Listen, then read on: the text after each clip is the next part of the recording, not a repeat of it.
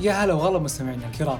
حياكم الله في ثامن حلقات من بودكاست أسماء من ذهب واللي تسمعونه بشكل حصري عبر منصة بوديو. معي أنا مهند الختلان. حسين عبد الغني ابن مدينة جدة انولد في أواخر السبعينيات وبدأ حياته بشكل مبكر في نادي الأهلي من فريق الأشبال إلى فريق الأول.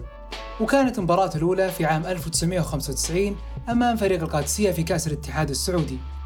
على مدى مسيرته الكروية أجرى العديد من الانتقالات بين الأندية السعودية كان أبرزها إلى نادي النصر. لأنه حقق معهم العديد من البطولات مثل كأس الملك وكأس ولي العهد والعديد من البطولات. انتقل حسين عبد الغني إلى النادي السويسري من أجل الاحتراف وبعد فترة الاحتراف حاول العودة إلى البيت الأهلاوي لكنهم رفضوا عودته.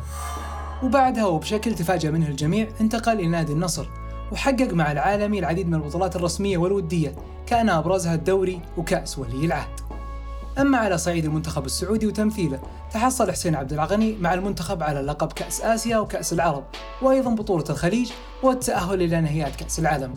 وفي 2020 قرر النجم الذهبي حسين عبد الغني الاعتزال ومن المعلومات اللي عرفتها أن حسين بدأ كمهاجم قبل أن يكون ظهير أيسر ويصبح مميزا في هذا المكان. رضينا أو ما رضينا يبقى اسم حسين عبد الغني من الأسماء اللي يشار إليها بالإبداع والإمتاع داخل الملعب اللي ما يخلو من المشاكسات. كان معكم مهند الختلان عبر منصة بوديو.